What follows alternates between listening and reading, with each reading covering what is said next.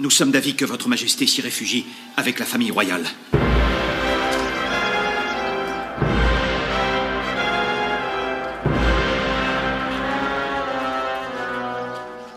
De Franse Revolutie.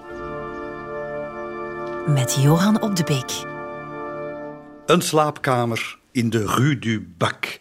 Het is een straat met geschiedenis, want D'Artagnan heeft er ooit nog gewoond. Maar nu ligt daar een man, eh, een niet-revolutionaire man, wakker van het aanzwellend rumoer op straat. Het is Pierre Raclet, een voormalig topambtenaar.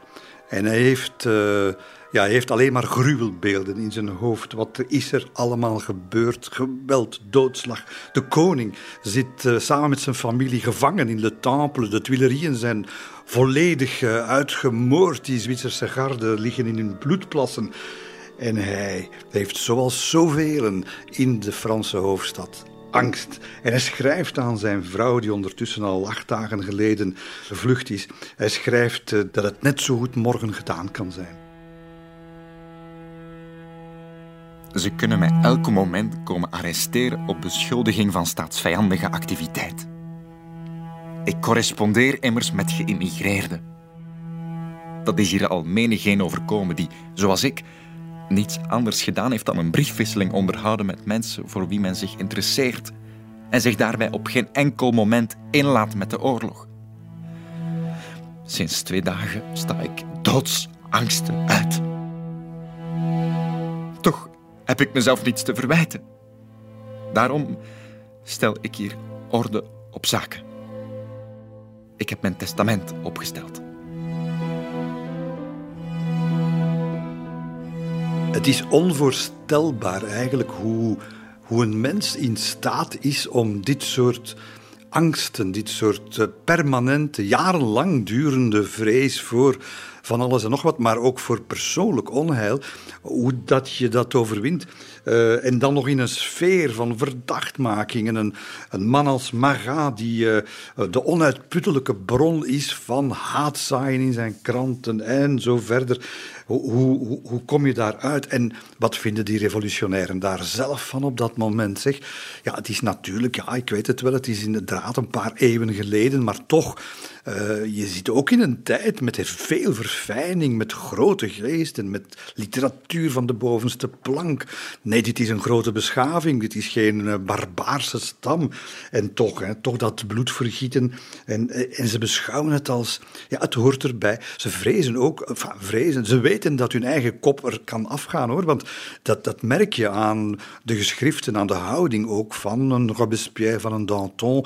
Ze leven ja, alsof de, vandaag de laatste dag kan zijn. En dus wat maakt al dat bloedvergieten bij de anderen nog uit? Het, zijn, het is niet meer voor hen dan wat kleine oneffenheidjes op weg. Op weg naar de perfecte wereld.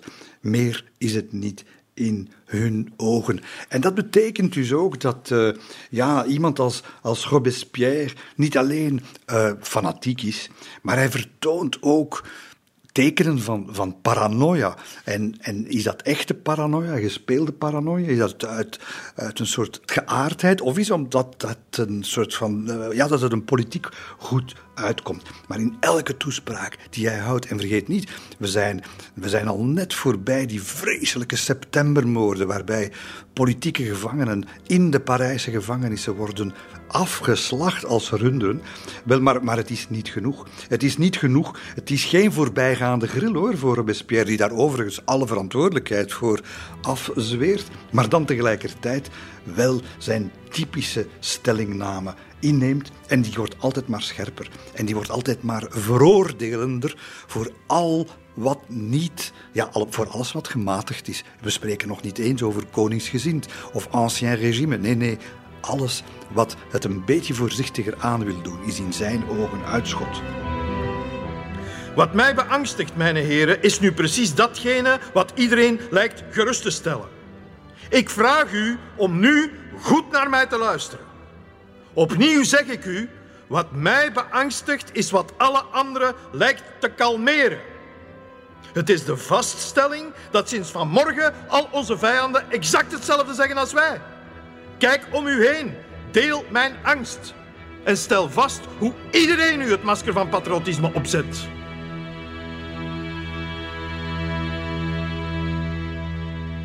Ja, en zijn conclusie is dan altijd dezelfde, beenhard en, en beangstigend. Hij zegt eigenlijk letterlijk, letterlijk, zoek eerst de vijand in je eigen kring.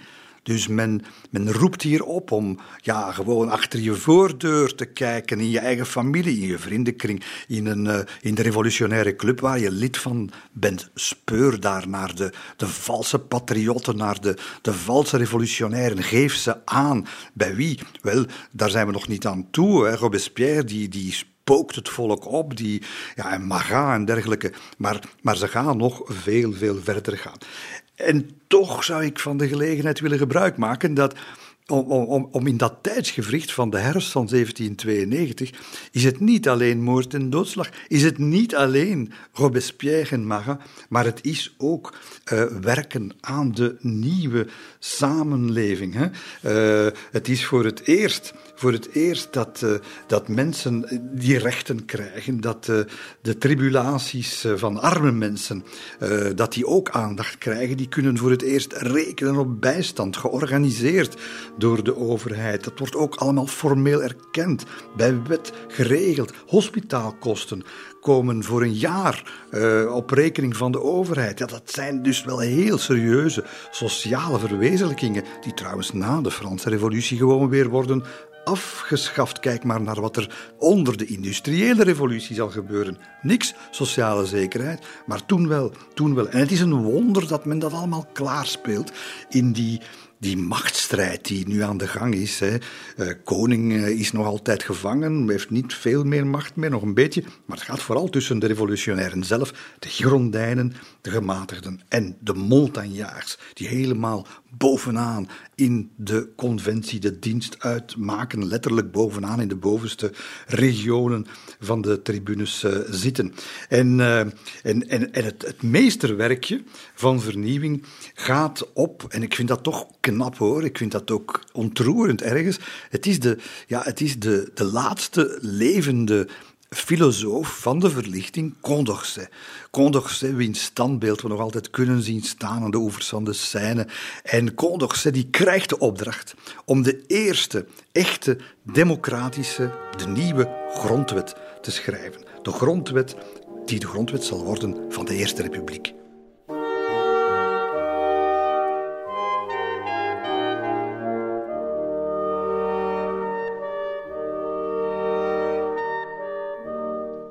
Die complete herziening van de grondwet, uh, die zal het werk worden van een totaal nieuwe volksvertegenwoordiging.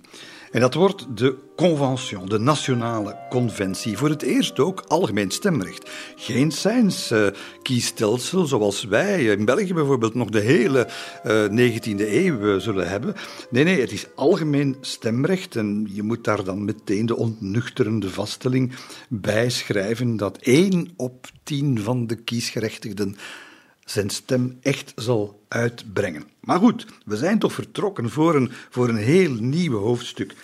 Maar, zoals alles in de Franse Revolutie, zal het weer geen klaarwijn zijn die wordt geschonken. Want ja, hm, eh, onze man die we voortdurend volgen, François Robert, de Belg, is eventjes kabinetchef geweest van de nieuwe minister van Justitie, Danton. Maar Danton die, die weet dat in die nieuwe volksvertegenwoordiging daar gaan de lakens uitgedeeld worden.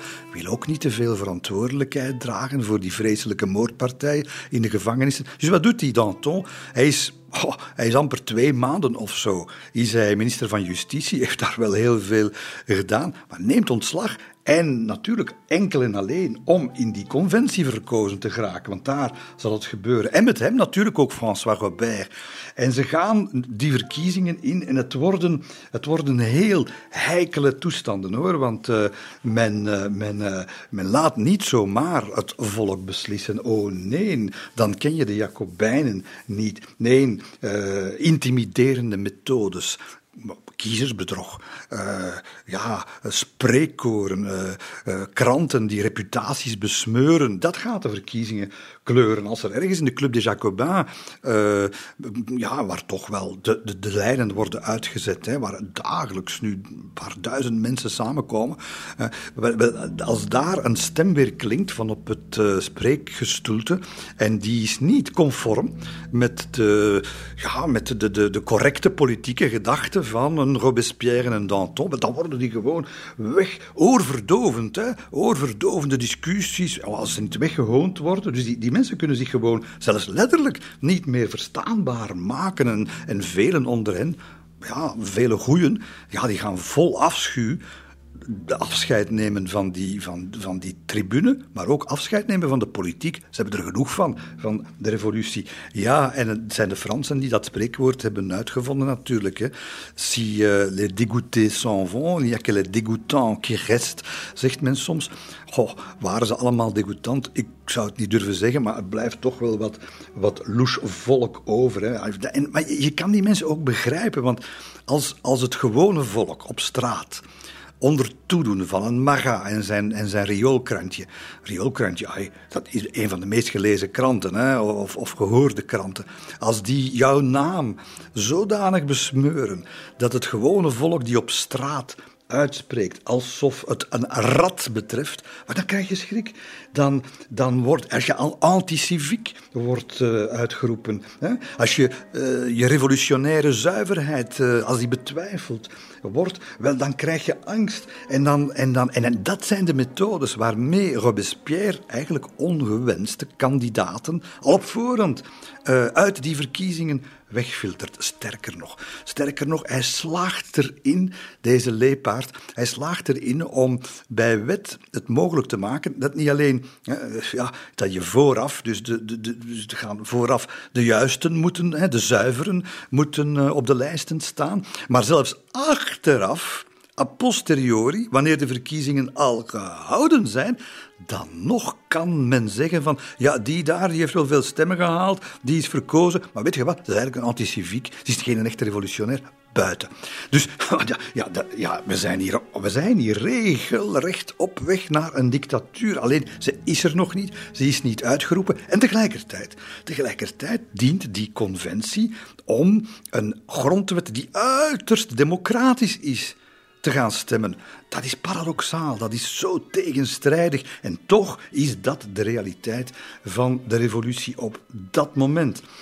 En uh, François Robert, uh, in het kielzog van, uh, van Danton, zal bij, de, bij de goeien zijn, want hij zal in, de, in, de, in het geschrijf van Maga die, die, die heeft het over uh, rotzooi, hè, over verrotte zielen in de, in de volksvertegenwoordiging. En die noemt, en dat zal niet de laatste keer zijn, die noemt de goede en de slechte in zijn ogen. Ja, en, en, en ik weet niet wat François Robert gevoeld heeft, maar ik kan het mij voorstellen dat hij een zucht van opluchting heeft geslaakt wanneer Maga in zijn krant letterlijk schrijft en noemt zes namen waar je zeker mocht op stemmen in Parijs. Robespierre is daarbij, Danton is daarbij, Camille Dumoulin is daarbij, Collot d'Herbois en zo verder. Maar ook François Robert. Wel, wat moeten we dan denken van François Robert? Heeft hij bloed aan zijn handen gehad? Ik weet het niet, maar hij heeft het zeker en vast gedoogd.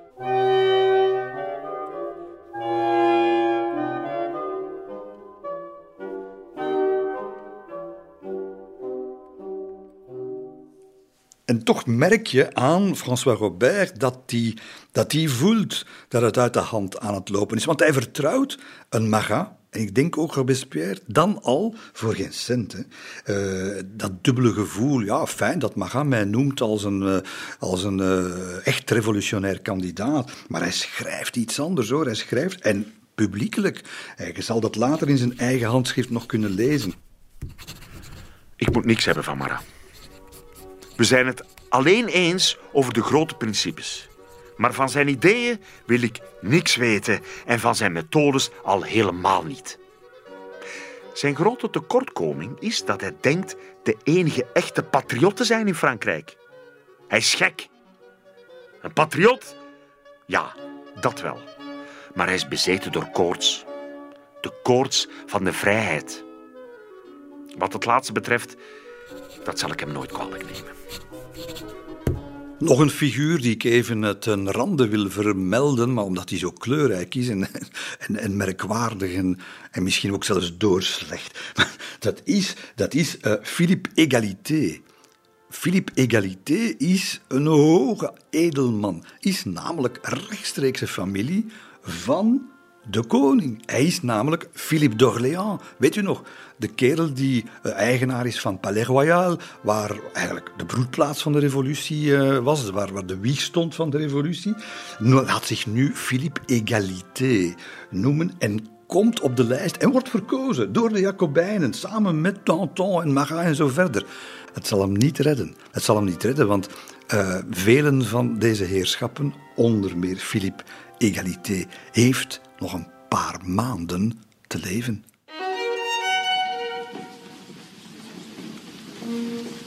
En dus breekt het moment aan op 21 september dat ja, dat François Robert voor de eerste keer in zijn leven, ja, hij is natuurlijk al in de volksvertegenwoordiging geweest, maar op de tribunes. En nu mag hij binnenschrijden als volksvertegenwoordiger hè, in de Salle du Manège, 51 bij 14 meter. En hij zoekt naar boven. Hij zoekt, zijn, zijn ogen richten zich naar de tribunes. Wie zoekt hij? Hij zoekt natuurlijk de, de liefhebbende blik van zijn Louise. Louise de Keraliot, uh, die natuurlijk vol liefde en trots in haar ogen zal, zal kijken. Uh, vermoeide ogen kan ik mij voorstellen, want Louise is hoogzwanger en twee dagen, twee dagen later zal ze bevallen van Adelaide. Wat is dat toch voor een leven waar ze in balans zijn, vol storm en drang, maar ook vol huiselijk geluk. De paradox van de revolutie. Ook in het leven van, van François Robert. En die, ja, die, die weet natuurlijk al lang in wat voor een wat voor een heksenketel hij terecht zal komen. Hè? Die, die, die, die vergadering die permanent bijna in zitting is. Uh, honderden mensen en dan nog een paar duizend op de tribunes. Soms heeft dat meer weg van een spektakel, van een circus, dan wat anders. Met uh, mensen die hun mond niet houden, die, die van, op, van op de tribunes aangejaagd worden, uitgekreten worden. Uh, als je een dag in de volksvertegenwoordiging verblijft, dan ga je s'avonds naar huis als een gammel wrak. Hè? Je moet van, van, goede, van goede doen zijn. Je moet, uh, en, en, bovendien moet je het ook financieel kunnen uithouden. Want egalité, gelijkheid, het zal wel zijn. 85% van de bevolking. 85% van de bevolking zijn boeren. Wel nu, in de volksvertegenwoordiging zitten amper, amper 7%. Dus een tiende. Hè, uh, is, is echt afkomstig uit de landbouw. Daaraan zie je, ja, wat, wat en wie vertegenwoordigen ze uiteindelijk. Goed, we zijn vertrokken naar een, naar een democratisch systeem, maar het is niet egalitair. Het is onegalitair. Je moet veel geld hebben. En je moet je haven en, en huis en je moet je, je moet je grond en zo verder ver weg in Frankrijk achter kunnen laten. Dat kan niet iedereen, natuurlijk niet. Je moet de koters in leven houden en je moet je vrouw tevreden houden. En dat kan natuurlijk de, het gros van de bevolking Absoluut niet. Er zijn dan ook veel grote lichten uit Parijs die zich gewoon laten verkiezen ergens te landen hè, in, eh, in, eh, in een of andere afgelegen provincie. Nee, we zitten met een, eh, een, een revolutie die naar zichzelf op zoek is en dus ook naar een nationale conventie die zichzelf zoekt en vooral een nieuwe grondwet zoekt. De mens is niet perfect, de revolutie ook niet. En François Robert al is zeker niet, want die heeft geschreven, hè, bloed aan de handen, nee, maar uh, hij heeft dat toch allemaal wel mee gedoogd. Hij schrijft letterlijk, ik heb het doden in de gevangenissen verschrikkelijk, maar noodzakelijk genoemd. En heeft dat zelfs twee keer geschreven. Dus we weten dat hij dat ook wel zo meende. En, en hij, zit, hij zit eigenlijk op de wip, op de brug uh, filosofisch gesproken, ja, uh, politiek gesproken, op de brug tussen de gematigde strekking, de Girondijnen, en de, de harde strekking, hè, de, de strekking van het moet nu en onmiddellijk en helemaal zoals wij het willen van de Montagnards, van Robespierre. De Girondijnen, dat is een visie die er rekening mee houdt dat de mens onvolmaakt is. Dat de mens deugden, maar ook ondeugden heeft. Dat hij egoïstisch kan zijn, net zo goed als vrijgevig. Dat hij streeft naar vooruitgang en geluk. Maar ook ja, recht heeft op vooroordelen en op fouten. Maar nee hoor, nee, nee, dat vindt Robespierre niet. Hè? En de Montagne, die gunt de mens geen zwakheden, hè? deugdzaam zuiver. Zo moet de nieuwe wereld eruit zien. Beginselvast. Hè. En zij, zij zullen de weg wijzen hè, naar de perfectie. En ze zullen de mens daar desnoods tegen zijn wil en desnoods met geweld tegen zijn zin heen leiden.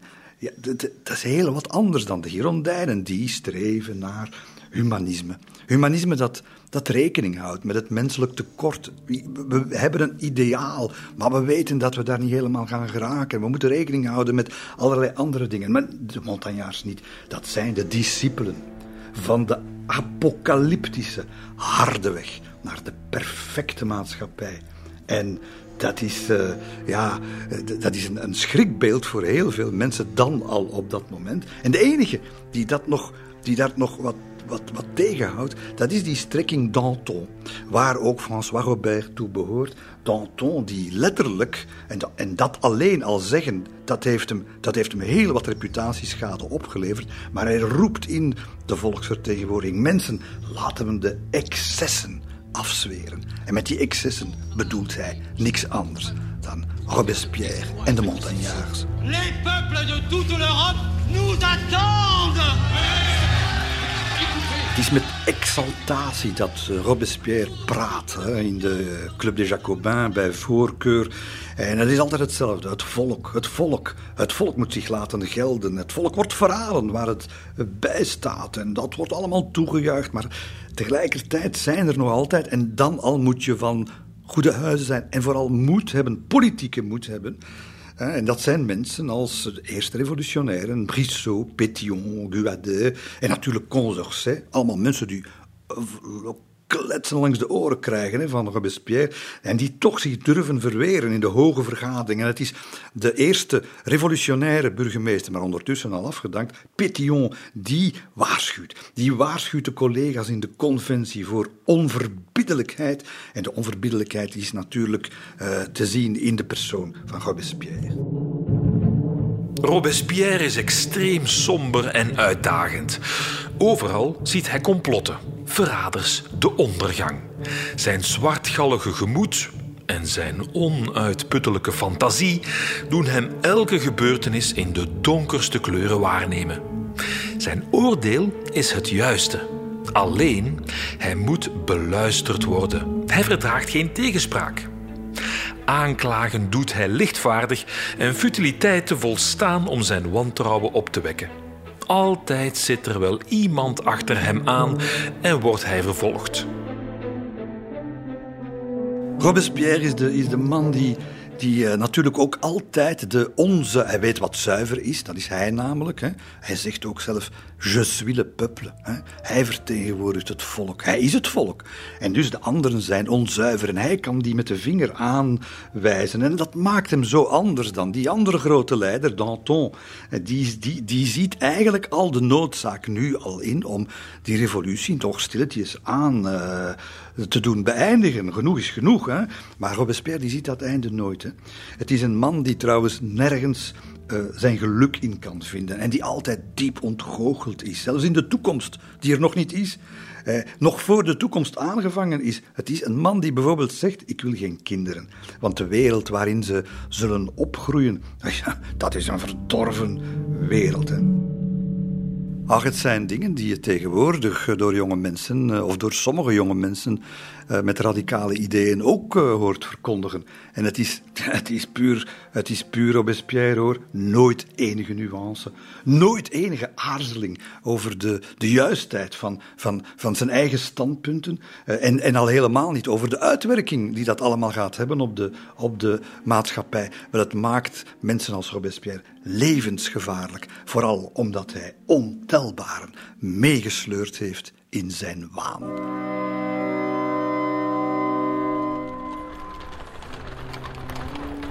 Niet warmer dan 3 graden is het. Het lijkt wel de temperatuur te zijn van de revolutie zelf.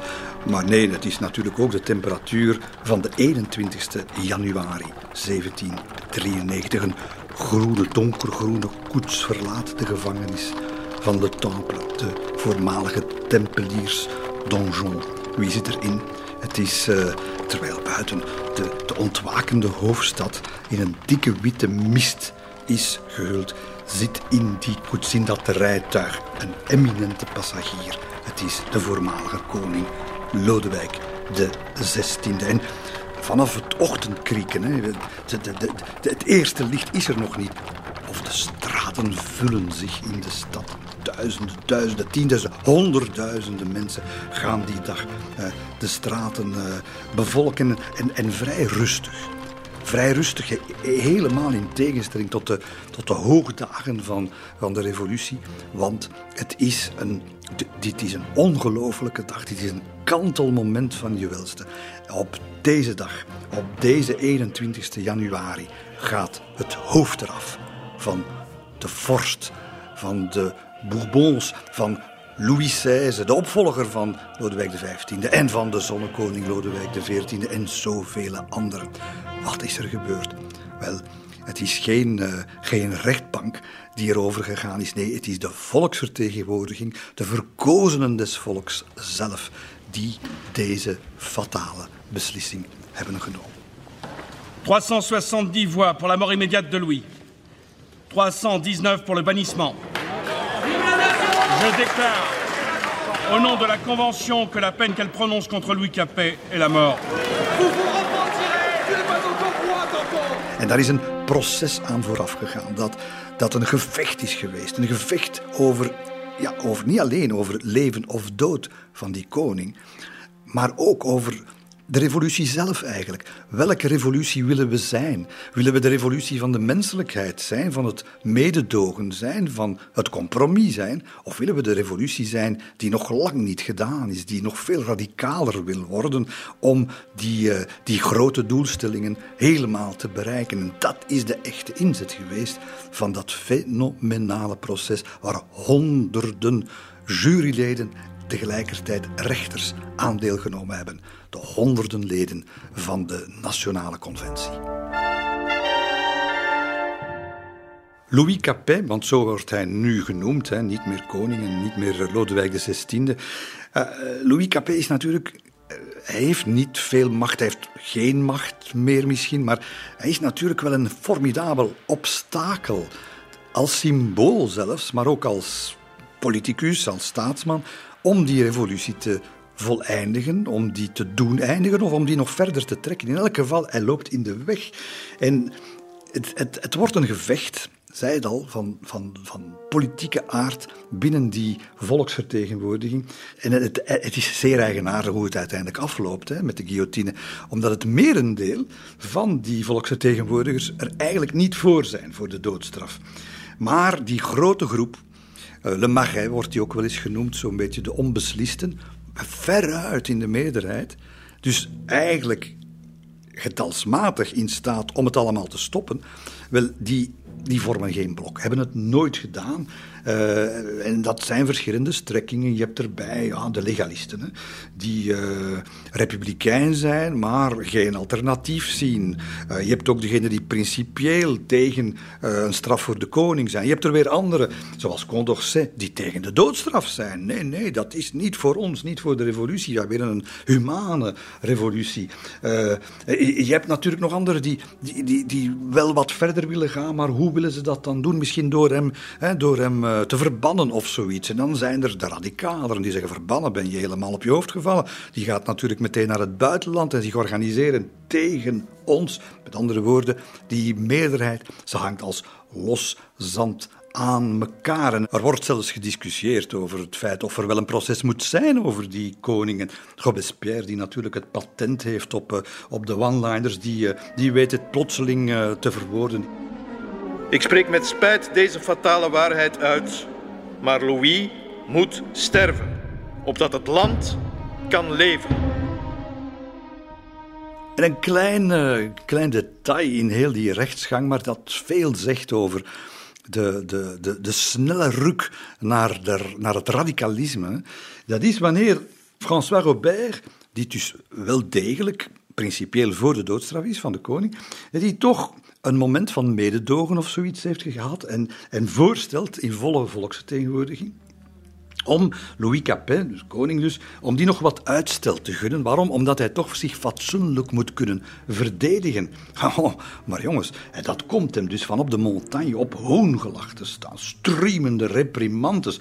Een, een, een, man als Saint-Just, dus werkelijk een, een van de meest extre, extreme figuren van de Robespierre-klan, die, uh, die, die, ja, duwt hem al meteen in de, in de hoek van de gematigden, hè, terwijl hij eigenlijk niks anders zegt als wat Danton zegt. Maar het maakt hem bang, dat heeft hij ook geschreven. Het maakt hem meteen bang. En, en zo gaat het eraan toe. Angst voor zware kritiek, voor marginalisatie, wel, dat leidt meteen tot nog meer radicale standpunten. Hè. Dus al wat zich genuanceerd opstelt, alles wat de zaken vanuit een, een prisma bekijkt, een beetje van alle kanten, wel, dat is verdacht. Hè. Dat is verdacht, dat is aristocraat of erger nog een anti-patriot. Er bestaat niks tussenin. Hè. Het is het een of het ander. Het is de zuivere revolutionair of de, of de, de slechterik. En, en mensen als, als Robert direct, direct trekken ze hun staart in, samen met honderden andere politici, en scharen zich meteen aan de kant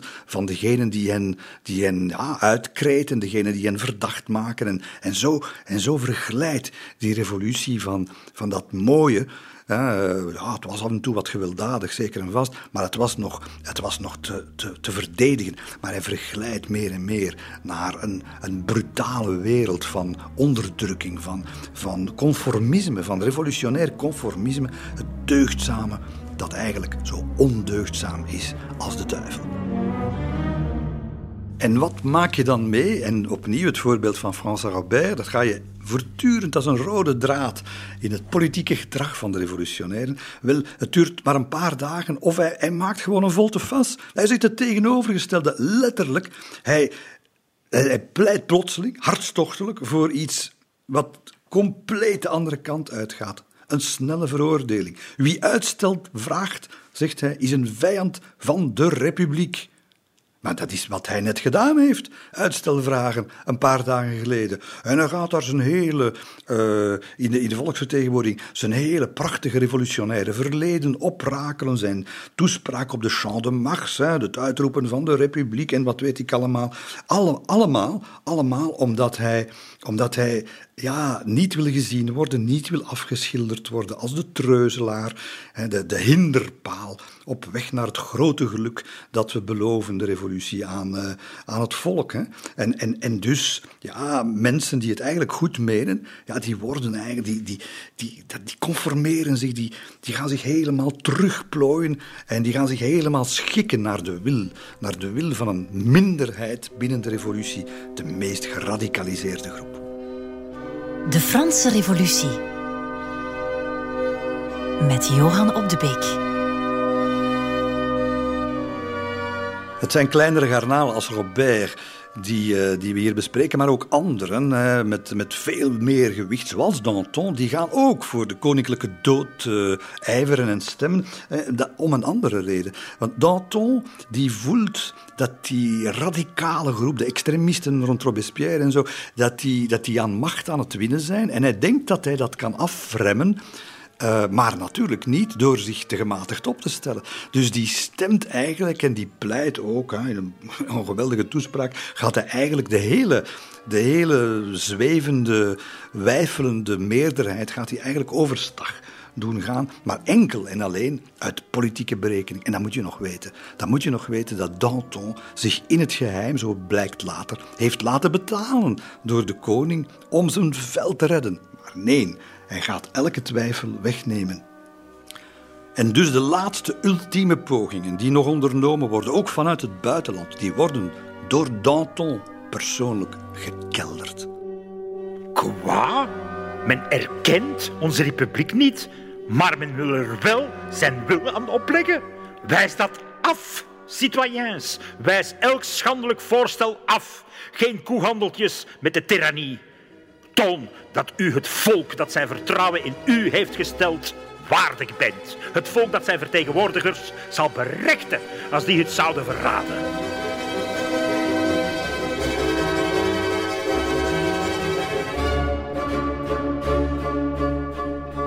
U denkt misschien, uh, die Danton, die eigenlijk tegen zijn politiek principe hij is tegen de doodstraf. Uh, hij is ook uh, niet echt voor de doodstraf van die koning. Maar dat toch doet, dat toch bewerkstelligt. Ja, uh, een, een, een, vuile politicus, zullen sommigen zeggen. Maar wat dan te denken van de hertog van Orléans, hè, de fameuze egalitarist, zelf verklaard Philippe Egalité, die zijn eigen paleis, Palais Royal, intussen al heeft slimmetjes heeft laten omdopen naar Palais Égalité en die ook volksvertegenwoordiger is. Wel, hij stemt ook voor de doodstraf van zijn neef, de ex koning. Hè? Ja, dat, het, het, het, is een, het is een vreemd verhaal hoor, wat we hier zien. Maar het is in elk geval het enige wat boven water komt drijven, is die rode lijn. Die rode lijn die zegt, het zijn de Montagnards, de mannen rond Robespierre, waar nu Danton zich ook wat begint bij aan te schurken. Zij zijn het. Zij zijn het die de ontwrichtende kracht ontwikkelen om het staatsbestel uh, het, het te ontmantelen en het straatgeweld eigenlijk op geld te doen, te doen maken. En dan de executie. Uh, de executie, uh, zoals gezegd, 21 januari 1793.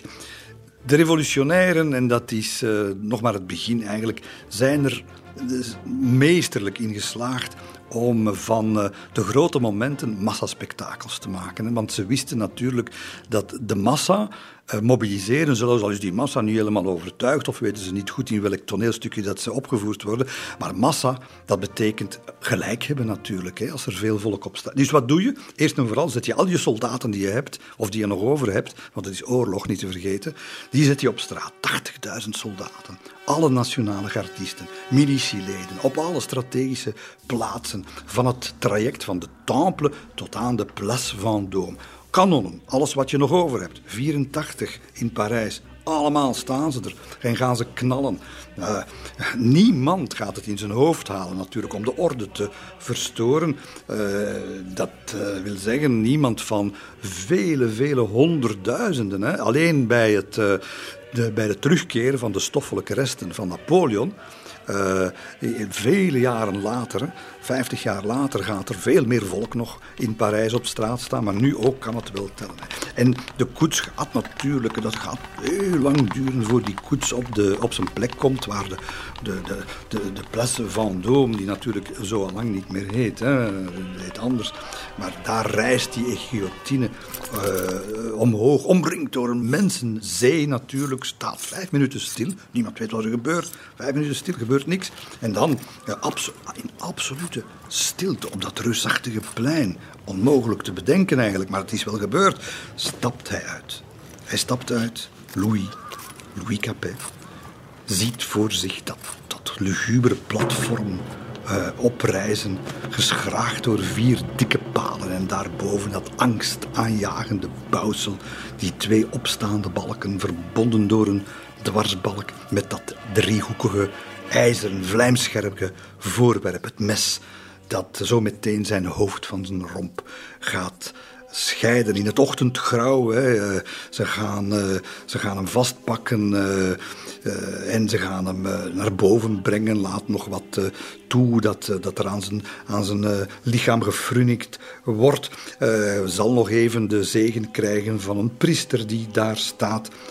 de Place de la Révolution. God zeg, zou hij eraan gedacht hebben dat op die plek waar, waar hij zijn laatste seconden aan het beleven is, dat daar zo pas, wat zeg ik, een jaar geleden nog het standbeeld stond van de zonnekoning op die kasseien daar. Dat weggehaald is nu natuurlijk en waar nu het symbool van het slechtste van de revolutie staat, de guillotine.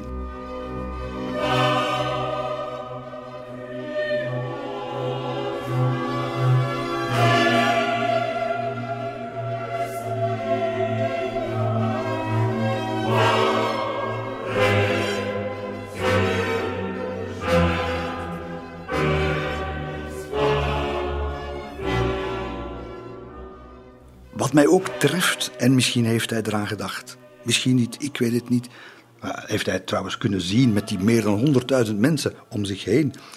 Wel, dat is dat niet één, niet één van zijn uh, rechters, dus leden van de conventie, heeft ervoor gekozen om de executie waar zij voor gestemd hebben, om die te komen bijwonen. Ze zijn er niet. Ze zijn er niet. Ze laten het over aan het volk. Wilden ze zich niet. Hebben ze beseft dat ze daar iets gedaan hebben dat, ja, dat door dat volk misschien toch wel heel naargeestig werd gevonden, om niet te zeggen verschrikkelijk. Ik weet het niet, maar in elk geval, ze waren er niet. Ze hebben zich niet laten zien. En dat plein, dat, dat zindert natuurlijk eh, van nervositeit en opwinding. En toch, bijna niks hoor je daar. Hè? Bijna niks. En, en, en hij stapt de trapjes op, die krakende houten trappen van de guillotine. Uh, maakt geen haast hoor, gaat daar heel traag en eigenlijk waardig naar boven. waarom zou hij ook haast maken? Het is zijn laatste kans, zijn allerlaatste moment om zich tot het volk te richten, tot zijn volk. Want zo ziet hij de Fransen nog altijd. Peuple de France. Vous êtes le plus glorieux des peuples. Je vous aime. Et je suis fier d'être votre roi. Je meurs innocent de tous les crimes qu'on m'impute. Je pardonne aux auteurs de ma mort. Je prie Dieu que le sang que vous allez répandre ne retombe pas sur la France. Mijn beste mensen, ik sterf onschuldig aan de misdaden die mij worden toegeschreven. Ik vergeef degenen die verantwoordelijk zijn voor mijn dood. En ik bid tot God dat het bloed dat u gaat vergieten nooit op Frankrijk zal vallen. En meer was er nog, maar meer heeft niemand gehoord, want mijn, de officier eh, die naast hem staat, doet meteen teken. 10 uur 22 is het. Men grijpt hem vast, de beulsknechten legt hem op de wipplank en in een mum van tijd zal het koninklijke hoofd met één geroutineerde beweging van de beul, die nog eventjes de haren wegstrijkt om zijn hals te ontbloten, terwijl het hoofd zal vallen. De handgreep gaat naar beneden, vier meter hoog, zakt, wat zeg ik, zakt ploft naar beneden. Dat, uh, dat stuk ijzeren verdriet ploft op die hals van die koning. Het hoofd, het bloedende hoofd, valt in de mand. Wordt er uitgehaald door een beulsknecht. En die pakt het bij de resterende haren op en toont het aan de vier zijden van het guillotineplatform aan de massa. En dan, pas dan, roept men de bekende slogans. Vive la nation, vive la republiek. Terwijl ondertussen al een aantal eh, onverlaten zich met hun zakdoek of met hun zwaard naar de bloedplassen onder de guillotine reppen om daar nog gauw eh, een druppeltje bloed van het koninklijke lichaam te kunnen, uh, ja, te, kunnen stelen. Zullen we maar zeggen, maar in uiltempo, hè, zo snel als gaat, worden de stoffelijke resten meteen weggebracht en onder onder een, dikke, een dikke laag ongebluste kalk op het kerkhof van La Madeleine weggemoffeld voor de geschiedenis.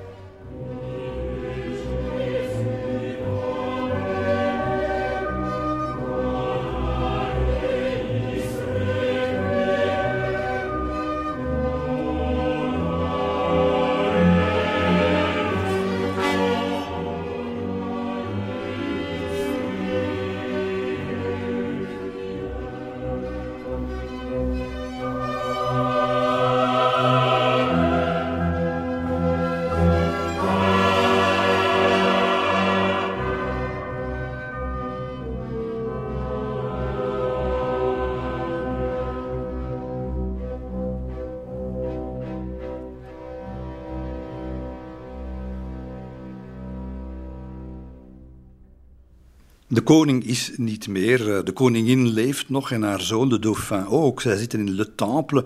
Uh, hij heeft uh, de avond voordien afscheid genomen van vrouw en kind en de rest van de familie die daar zit. En heeft beloofd om nog voor hij naar het schavot zou worden gebracht, s ochtends nog zijn vrouw een laatste uh, een laatste kus te komen brengen, een laatste woord te schenken. Wel, die belofte is hij niet nagekomen. Uh, ja, waarom was dat een te pijnlijk moment dat hij haar wilde besparen of zichzelf, zichzelf wilde besparen? In elk geval, het is voorbij. De ochtend is voorbij. En kort, kort na de middag hoor, gaat Parijs terug aan de gang. De winkels gaan open. Het gewone leven herneemt zijn gang. Maar heel schoorvoetend. Iedereen stapt met langzame tred, zegt Etienne Denis Pasquier, de winkelier die erbij was. Iedereen stapt met langzame tred. Men durft elkaar nauwelijks aan te kijken. De rest van de dag ging als een diepe verdoving voorbij. De wandelingen waren eenzaam. De openbare plaatsen waren verlaten of gesloten de huizen gebarricadeerd. Le père de la patrie is weg, ja. Ze zijn hun koning kwijt. De natie is de vader kwijt. Um, en je, ik twijfel daar zelf ook geen seconde aan. En ik denk François Robert ook niet. Mensen waren geschokt.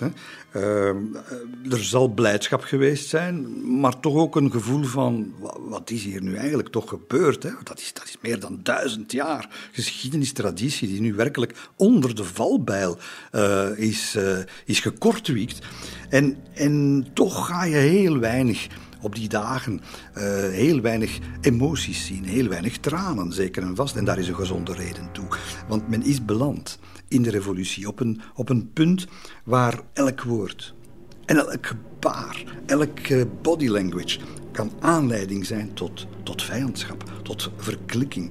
Uh, onderschepte brieven, ze zeggen het allemaal. Brieven van mensen die, die weten, die weten dat de tijd definitief is veranderd. Maar wat voor een tijd beleven we en gaan we tegemoet? God helpen Frankrijk. Thank